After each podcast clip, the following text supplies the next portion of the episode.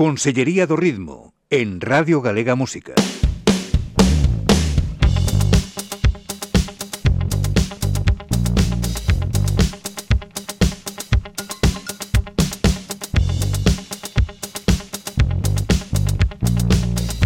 Con Tito Lesende.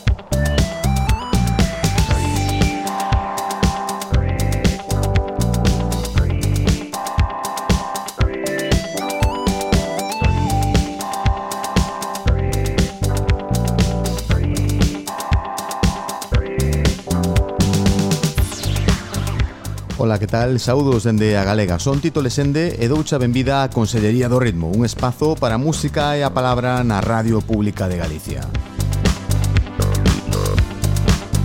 Cada semana recibimos nestas dependencias a visita dunha referencia da escena pop galega. Esta é a nosa décimo primeira emisión e quero dar darchas grazas pola túa atención ao longo das semanas precedentes, tanto se nos escoitas en tempo real, na radio de sempre, na emisión online, a través da televisión digital ou no podcast calquera día do ano de calquera ano.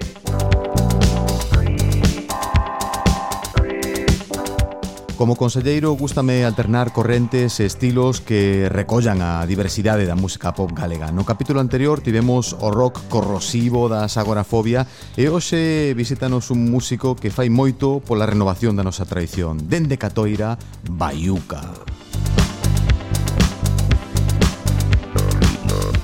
Porque os vikingos son teimudos, desembarcan en Catoira cada verán, pero tiñamos preparada a vinganza. Dende o Ulla, Alex Guillán, Bayuca ten a fórmula musical para conquistar o mundo. Folclore, enxebrismo, electrónica en vaso de tubo Hoxe falaremos dos antecedentes de Bayuca Pero tamén dos seus traballos fundamentais Entre 2018 e 2021 Solpor, Misturas e Embruxo Música Bayuca é un dos grandes embaixadores actuais da música moderna galega, ten unha incidencia millonaria en plataformas digitais e ten tocado por Europa, Marrocos ou México. Así que inauguramos neste punto a Consellería do Ritmo. De contado recibimos a Alex, pero antes escoitaremos a peza que dá título ao último disco de Bayuca, este Embruxo. Embruxo.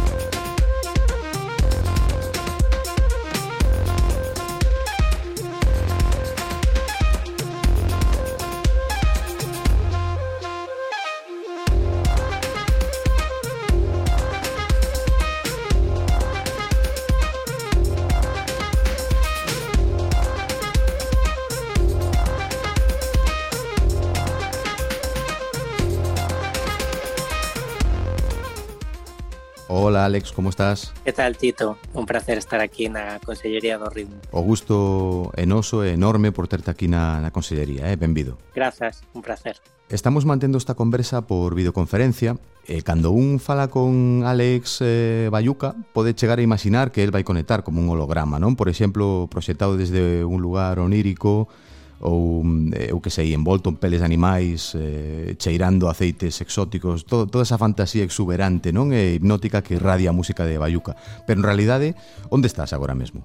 Pois agora estou na miña casa, eh, en Barcelona. Estou uh -huh. vivindo aquí dende fai un par de anos, máis ou menos, e nada, moi moi tranquilo estos días. A última vez que te vin eh, foi coincidindo despois dun tren, dunha viaxe en tren a Madrid e contarasme que, que estabas a punto de mudarte a Barcelona ou estabas nese proceso de mudanza, non?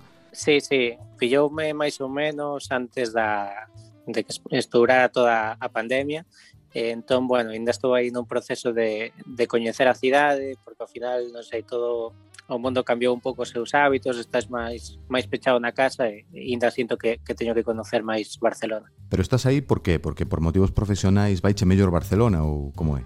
No, motivos persoais, directamente. Uh -huh.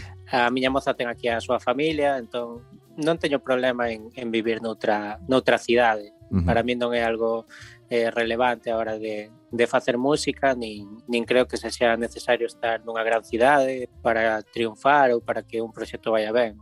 É certo que, que eu, o proxecto arranca en Madrid, logo ahora estou en Barcelona, pero creo que se estivera en Galicia que espero que, que a, a, o proxecto fora igual, que non que a xente non pense que é necesario ter que estar nunha gran cidade para desenrolar un proxecto así. Claro, porque Galicia xa levas dentro, pois se alguén se engancha agora a entrevista, Bayuca é o proxecto artístico de Alex Guillán, que un día vivindo en Madrid sentiches tal morriña que emprendiches esa, esa fusión fabulosa, non? De música tradicional galega, co son e coas pautas máis propias da música electrónica máis actual, non? Pero quero coller a historia desde o principio, Alex, porque ti naciches en, en Catoira e dende cativo estiveches moi exposto no noso folclore, non? Porque teño entendido que ti tocabas a gaita cando eras un rapaz. Como, como foi o teu primeiro achegamento á música? Como se deu esa paixón?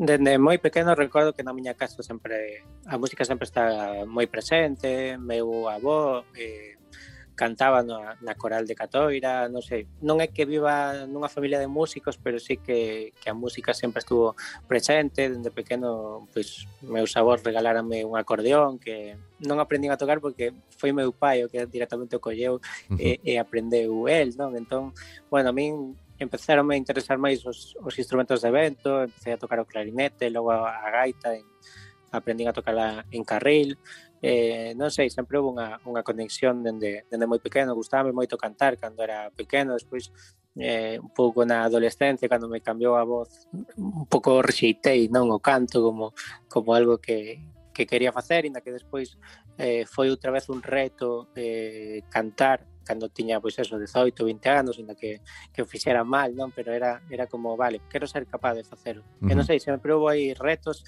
en relación ca música dende sempre. Pero bueno, dis que a túa familia non estaba moi relacionada coa música, pero o teu avó cantaba na coral, acabas de dicir, o teu pai tamén eh, tocaba o acordeón, non? Sí, o, o sea, creo que al final hai unha relación de, de interés eh, familiar por, pola música e sempre un recorda pois esas comidas, pouco na sobremesa, cantando toda a familia e ao final de algún xeito creo que eso queda, es, eh, impregnase na educación dun. E que cantabades nesas sobremesas? Pois eh, moitas cancións populares, eu creo que que se pillas o repertorio da roda, máis ou menos sería o que o que máis se, se cantaba. bueno, e a quen admirabas ti musicalmente de cativo? Cales eran os teus referentes a parte a parte dos familiares? Pois eu recordo con seguramente sete anos, oito anos, creo que é o primeiro concerto que recordo, que ver a Carlos Núñez en, en Vila García.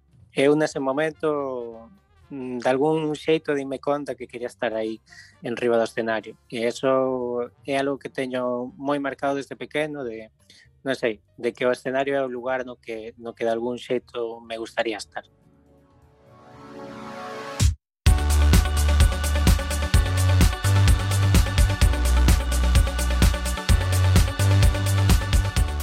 O impacto artístico de Bayuca puxo a Alex Guillán no mapa, pero en realidad el viña dun proxecto anterior ben distinto, sen marca galega, pero tamén meritorio no seu xénero. Este era eh, un concepto chamado Alex Casanova, unha proposta de música pop eh, liderada polos sintetizadores cunha realización impecable, non?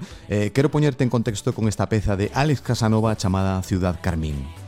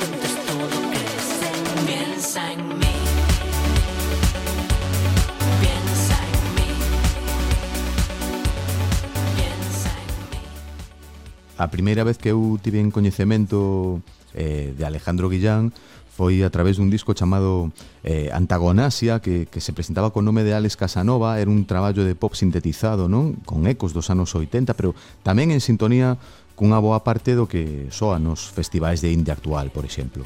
Eh, era unha proposta ben dirixida a, aquela de Alex Casanova e moi ben executada, eh, pero non tivo unha gran resposta. E isto pasou non hai tanto, porque estamos falando de 16 ou 7 anos.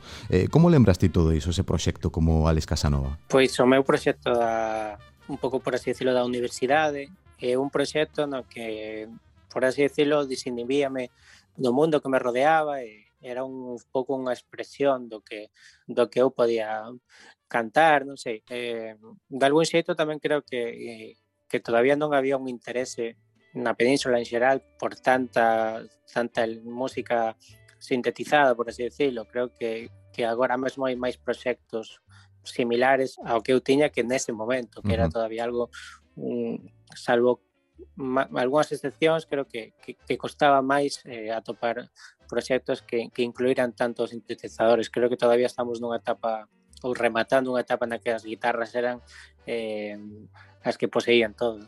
Claro, eh, porque eh, realmente aquela proposta non estaba nada mal, estaba moi ben executada, non? Parecía moi moi unha proposta moi ben empaquetada. Pero ti aínda non tiñas 30 anos cando viraches a túa carreira para montar a Bayuca, non? Que é un concepto máis enxebre, eh, máis fondo. Eh, que pasou? Que che pasou aí na cabeza? Pois eh, eu sempre falo da, de, de un momento de madurez. Tiña o disco de Alex Casanova bastante avanzado, pero de repente sentín que, que precisaba facer outras músicas. Entón aí foi cando cando me interesei máis por unha electrónica máis de, de clube, non foi que, que a idea de Bayuca surdira en Madrid, senón que eu levaba como tranquilamente 10 anos facendo pequenas probas e pequenos experimentos de se era capaz de, de realmente meter unha gaita ou de meter eh, eh, unhas pandereteiras nun tema e nunca nunca chegar a ese momento ata que me sentín, por así decirlo, inspirado non? Eh, pola morriña. Non? E, eh, ao final, por exemplo, creo que, que a letra da propia canción de Morriña reflite un pouco esa, esa idea de, de que non sabes o que é ata que estás lonxe, non? Que eu non pensaba que me pasaría nunca, non? Porque ao final cando estás eh, na tua terra, pois si, sí, falase da morriña e tal, pero é moi diferente cando cando te alonxas, non? Eh, recordando unha vez máis aquel aquel proxecto de Alex Casanova en contraste con Bayuca parece que Bayuca encaixa mellor coa personalidade que ti proxectas non? Que ti, ti proxectas como un aire así de, de tipo reflexivo ou medio místico incluso non? Parece que Bayuca vai mellor non? Con esa con esa imaxe. Sí, eu creo que sí. Bueno, ao final Alex Casanova en parte era, era un personaxe, non? Non era reflectir a miña personalidade, en cambio Bayuca creo que, ainda que que é un proxecto no que moita xente non sabe se é unha persoa, se é un grupo, se o que é, hai un pouco esa aura non? de non saber exactamente o que é Baiuca, pero a xente escoita o proxecto e gusta, e non? Eh, pero sí que creo que hai parte eh, moi importante da miña personalidade dende, dende un primeiro momento, porque cando eu estou no estudio traballando sempre sinto un pouco esa esa nostalgia do meu do meu pasado, do, da miña infancia, non? Cando de repente rescoito un disco de Milladoiro e, e volven eses recordos de, de cando era máis pequeno.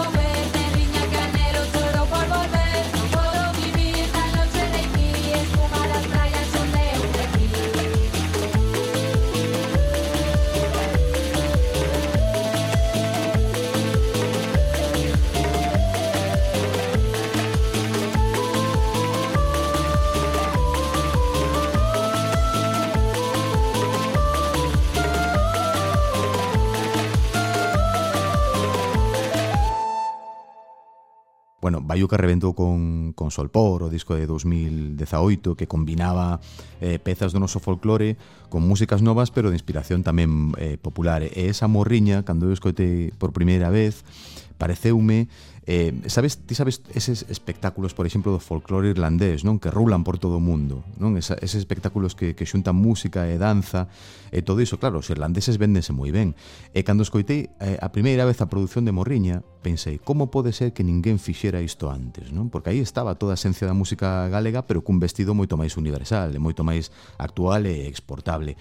Eh, e non sei se ti daquela, cando saiu, por exemplo, o Solpor, se ti pensabas que Bayuca podía ser unha aventura aventura puntual ou, ou tiñas na cabeza que, pode, que iso podría ter continuidade? De primeiras era unha idea que eu tiña, pero de probar, de ver que pasaba, non? Despois un pouco vas, vas tomando en serio cando a ti mesmo se ilusiona o que estás facendo, eh, a xente cercana que lle pasas a música lle gusta, non sei, hai como hai unha unha conexión para ir crecendo. Pero parece moi interesante isto que, que decías da, da música irlandesa, dos grandes espectáculos, ¿no? Porque Xosé Loi Romero, curiosamente, eh, foi músico do, do Ballet Rei de Viana, eh, que un pouco igual sería esa versión galega, non, desta desta idea irlandesa que, que decías, non? Pero, por exemplo, estivemos vendo vídeos fai pouco, non? Eh, realmente era eran músicas de fai 50 ou 60 anos con xente eh, bailando con uns traxes que sí, que estaban moi ben, pero de algún xeito eh, había aí un tufo a, a outras épocas que, que non eran as, as actuais, non? Vendo uh -huh. vídeos do, do Rei de Viana no, nos 2000 xa, non? Eh, uh -huh. De algún xeito creo que na nosa cultura precisamos que, que se vayan cambiando e que se vayan revisando certas eh, certas partes da, da nosa tradición, da nosa música popular, para de algún xeito tamén conectar e traelas á a actualidade. Claro, reformatealas, non? Que eh, despois, agora que falas de Xosé Luis Romero, eh, profundaches aínda máis na, na fórmula co teu seguinte traballo que foi Misturas, que era esa revisión do repertorio de Xosé Luis Romero e a Liboria e claro, a súa vez Xosé Luis é un dos referentes inevitables da, da música galega renovada neste século pero esa conexión con, con Romero como, como xurdiu? Pois foi moi natural eu escritei o disco da Liboria empezoume a interesar pasei aos, aos amigos meus e eh, e todos estábamos flipados con ese traballo e non sei, de algún xeito el tamén coñeceu a, a miña música e foi como, como unha, un momento aí non de decir é o destino ter que falarnos de algún xeito por Instagram, non? Eh, unha persoa de eh, casi 50 anos e unha persoa de, de 30, non? En buscar aí unha conexión na, nas redes e de repente, non sei, foi, foi super, super emocionante porque a min estaba me interesando moito o que estaban facendo eles non vos coñecíades persoalmente, foi unha cousa de, no, de, de buscarvos no. nas redes sociais. Sí, sí, logo, bueno, o sea, falando das cousas que eu non, non tiña localizado a Xosé Lois como como músico, non? Eh, sorprendentemente, non? Pero pero sí que despois, claro, falando da, da súa trayectoria, dos proxectos nos que estuvo metido, pois é, é increíble, creo que é unha, unha persoa moi relevante dentro da, da escena galega.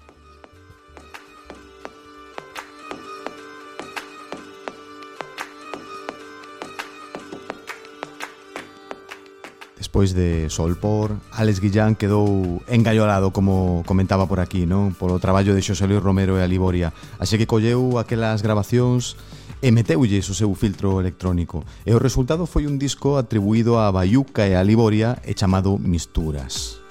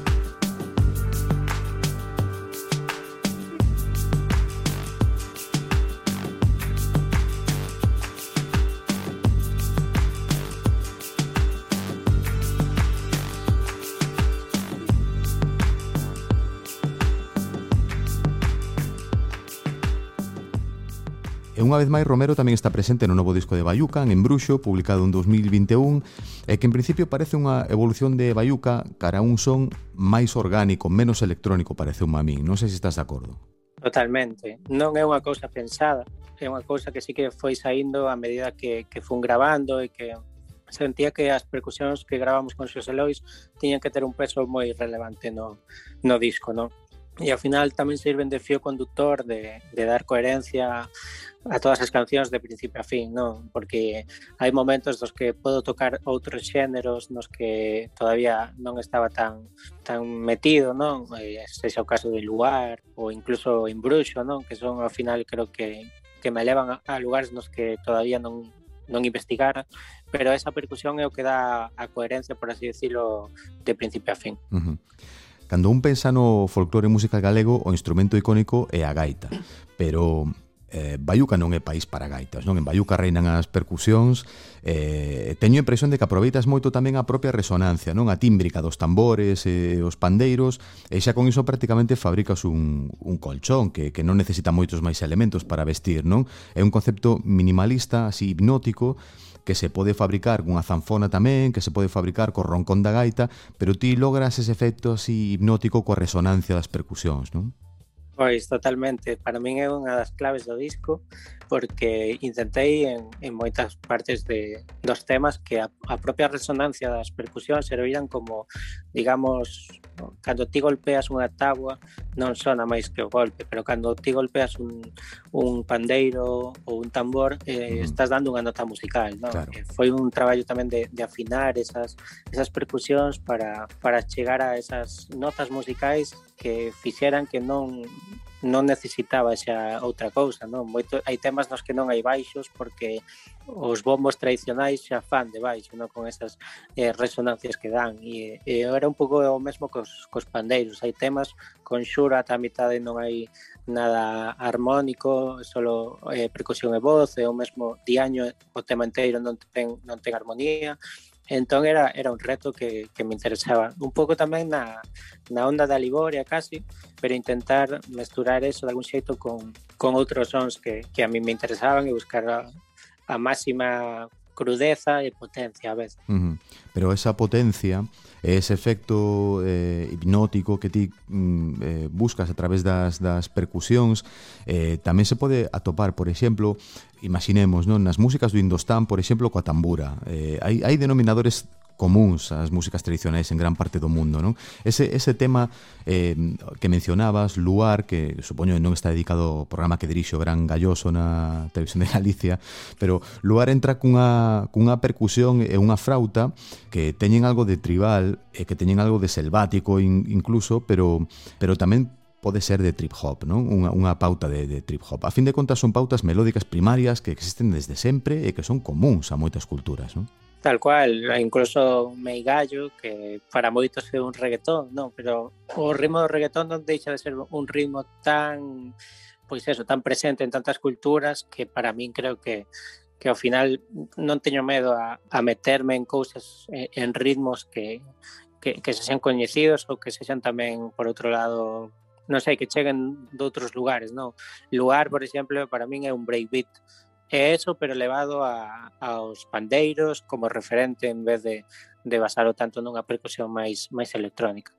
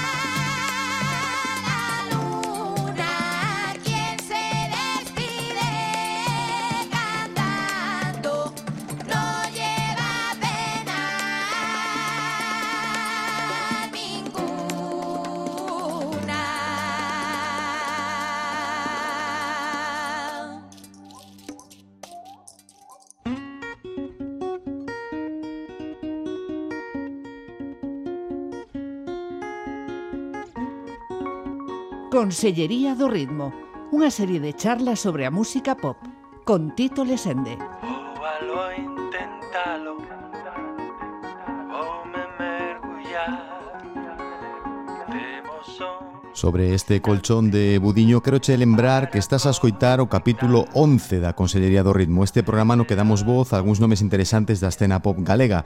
Eh, hoxe estamos con Bayuca, pero xa temos eh, tamén as sesións anteriores a túa disposición. Podes buscarnos na web da RTVG ou nos perfis da Consellería do Ritmo en Instagram ou Facebook. Eh, bueno, aí atoparás conversas co propio Budiño, con Ortigas, es, eh, Xoel López, Berto ou Juan de Dios Martín, eh, por exemplo. Pero seguimos con Bayuca. Alex Guillán naceu en Catoira, vive agora en Barcelona, pero cando lanzou o proxecto Bayuca estaba establecéndose en Madrid. E Por Alanda va sempre entre galegos, que xa sabedes como somos. Bueno, no, no seu círculo íntimo había moito talento. Ali estaba Sen Senra, tamén Blanco Palamera, Anxo Ferreira e tamén Carlangas de Novedades Carmiña.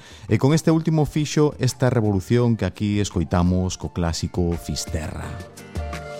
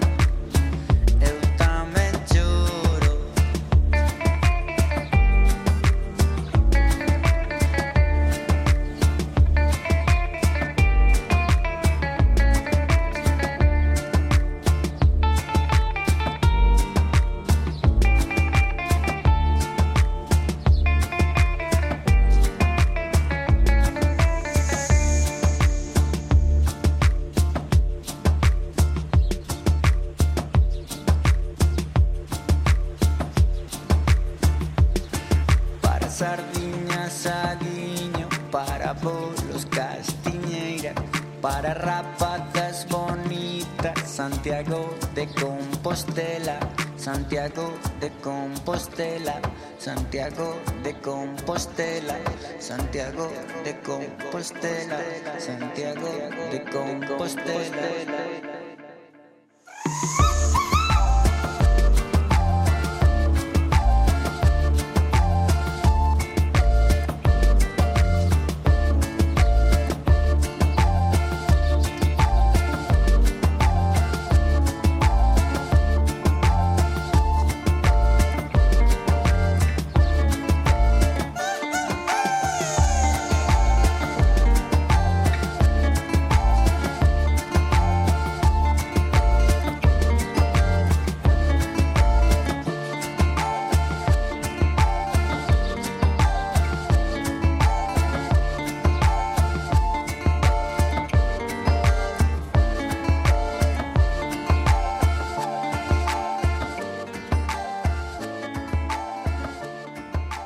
nestes dous tres últimos anos, pandemia por diante, estiveches tocando, non? Por toda a Península Ibérica, pero tamén estiveches en México, en Francia, Reino Unido, Italia, Marrocos.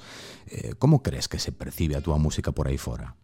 Pois bastante ben, a verdad, pero claro, hai que poñelo todo en contexto, non? Porque, por exemplo, o concerto de París foi impresionante pero había moito galego, sabes? Curiosamente, case en calquer lado tal vez en México non, non, non atopei tantos galegos e que atopei algúns, pero sobre todo por, por cidades de Europa eh, moitas veces hai unha presenza galega moi importante nos, nos concertos que que eu agradezo porque tamén é un, unha forma de coñecer historias de xente que, que de algún, de algún xito tivo que emigrar, no?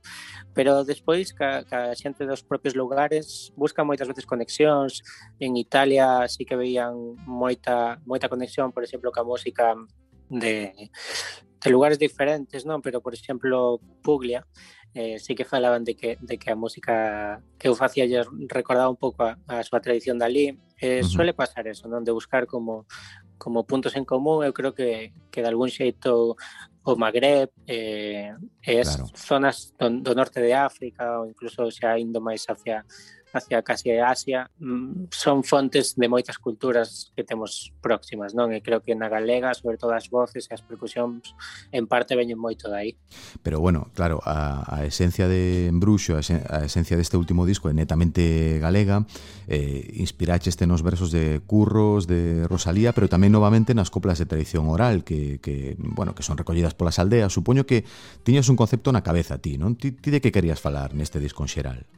O primeiro foi a parte eh, sonora co das percusións de Xosé Lois, pero tamén tiña claro que quería traballar con, con Lilaina, eh, Cas, Cas Montero, pero despois apareceu esta idea de, de facer un concepto máis definido porque sí que me interesaba como seguinte paso despois de, de Solpor, que era un disco máis máis xenérico no, no concepto, digamos, máis alá de, de, buscar esas conexións de, de música electrónica e música galega non pensaba nun concepto definido, así que está esa parte de Morriña, tanto con Morriña como con Solpor, que son dous temas compostos por min, pero neste disco quería xa meterme nun concepto e a cultura espiritual foi algo que me empezou a interesar moito a través de, de Adrián Canoura, eh, como el xa estaba máis máis inmerso en, en todo este este mundo, parecíame moi interesante continuar de algún xeito con todo eso e tamén dar unha visión diferente a, a que se podía pensar, porque curiosamente, cando eu fago unha proposta a xente máis cercana a min sempre parece que quero facer unha cousa moi chunga, por así decirlo. Uh -huh.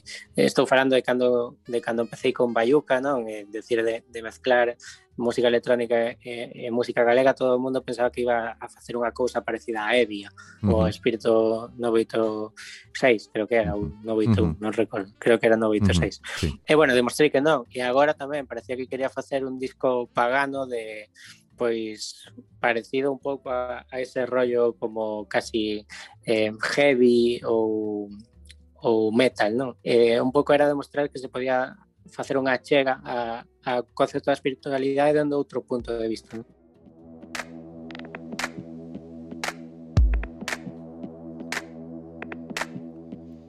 Unha das pezas fortes do repertorio de Embruxo é este veleno no que Bayuca conta coa voz protagonista do asturiano Rodrigo Cuevas.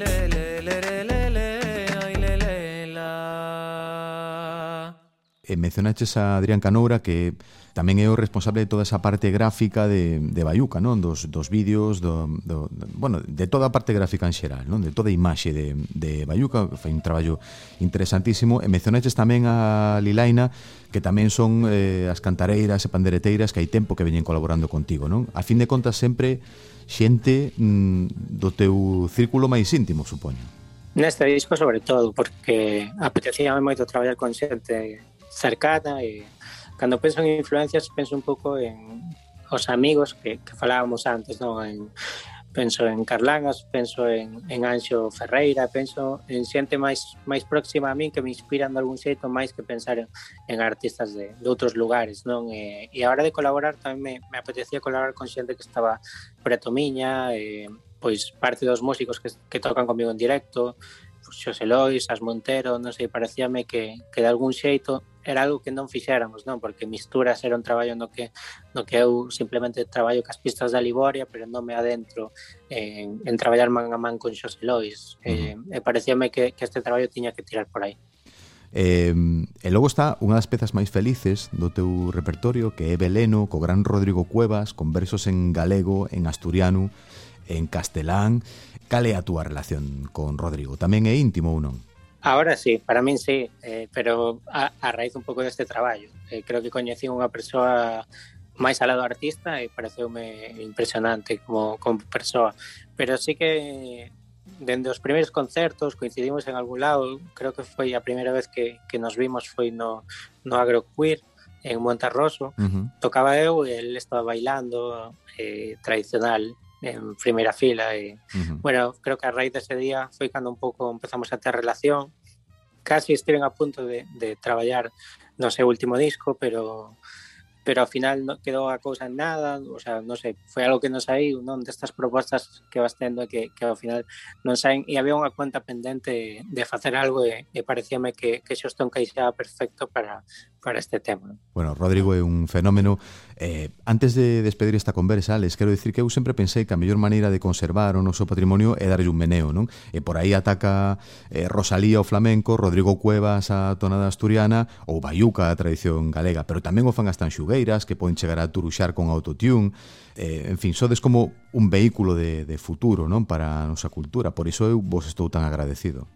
Eu ao final intento dar a miña visión, eh, creo que ao final de algún xeito cada proxecto que vai saindo eh, vai facendo que outros proxectos se, se animen a, a facer isto, non? Eh, creo que igual fai tres anos as tanxueras non se non serían capaces de meter un, un autotune nun tema, non? ou igual sí, non? Pero creo que ao final cada cada porta que se vai abrindo e cada porta que vai demostrando que tanto cantando en galego como levando a raíz a outras músicas se pode chegar a, a outros lugares e conectar con xente de outras cidades, creo que algo que cada vez vai a estar máis presente na nosa cultura. Incluso fora do que fora do que son as pautas da, da música galega, tamén temos unha fornada impresionante de, de creatividade, non? Dentro da dentro das músicas de todo tipo de xéneros, non? Aí están, por exemplo, os Berto, con que penso que tedes como unha especie de, de admiración recíproca, porque hai pouco estive en Berto por aquí, eh, te mencionaban como como, bueno, como unha referencia dentro da música galega, alguén que lles que lles flipa, e penso que eh, a ti tamén che gustan bastante Berto, non?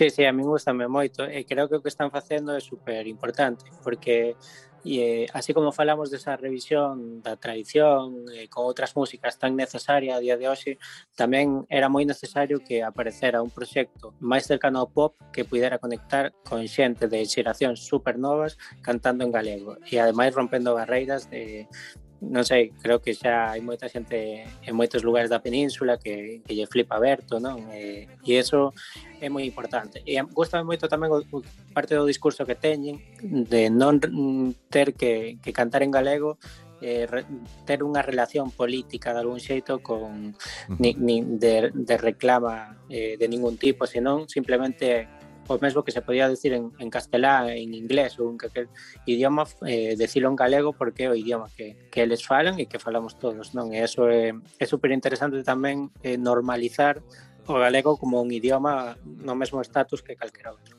Uh -huh. eh, Alex, eh, a pandemia pasará, eh, que tes previsto agora? Porque este ano temos oportunidades para verte tocando en Galicia, pero eh, supoño que tamén vas retomar os teus concertos internacionais ata conquistar o mundo inteiro, non? Pois sí, eh, veremos un pouco a evolución, pero creo que xa se está normalizando todo e, e volverán os concertos tamén de fora da península. Eh, 2021 é un ano de, de estar un pouco tocando por tanto por Galicia como, como por o resto da península, tamén hai, hai varias cousas en Portugal, pero despois a ir fora, pois supoño que se irá retomando pouco a pouco. Volver a, a Latinoamérica é algo que me interesa moito, coñecer eh, outros países nos que todavía non, non estiven, volver a México tamén, non sei, un pouco deixarme levar e non teño excesiva prisa por nada, non. Bueno, estaremos esperando a que iso aconteza, ese éxito internacional eh, brutal, intenso de, de Bayuca e tamén esperamos que volvas por aquí e que nos lo contes nesta consellería Alex Guillán, Bayuca eh, grazas por esta visita e unha aperta moi forte Un placer, Tito. A verdad que estive moi a gusto, xa como como estar na casa, ainda que realmente estou, non? Pero pero estive moi a gusto. Moitas grazas, un aperto. Bayuca sempre.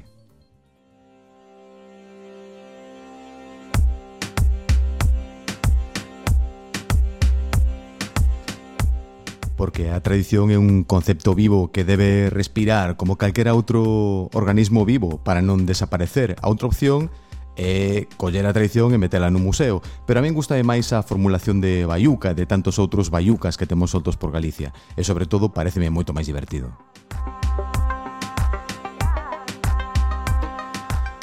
A música como correa de transmisión da nosa esencia de xeración en xeración e cambiante sempre como o lume. Alex Guillán Bayuca pasou pola nosa consellería e foi un privilexio. E aquí remata outro capítulo dedicado ao talento musical galego, pero quedamos todos e todas unidos polo ritmo. Agora pechamos portas e ventás da Consellería para regresar a vindeira semana, no mesmo sitio, o mesmo día, á mesma hora, cunha nova sesión. Mandoche unha aperta atemporal se nos escoitas no podcast. Todos os capítulos anteriores están á túa disposición e podes atoparnos tamén nas redes sociais da Consellería do Ritmo. para aprofundar na música tradicional e folk galega, por suposto, tes Lumen a Palleira, que dirixe o compañeiro Emilio Españadero cada fin de semana nesta emisora e que tamén ten un xeneroso arquivo de episodios en podcast. Son títoles en de un millón de grazas pola túa atención. Quedas na sintonía da galega, a nosa radio pública, a nosa radio favorita, escoitando o meigallo de Bayuca. Unha forte aperta. Chao.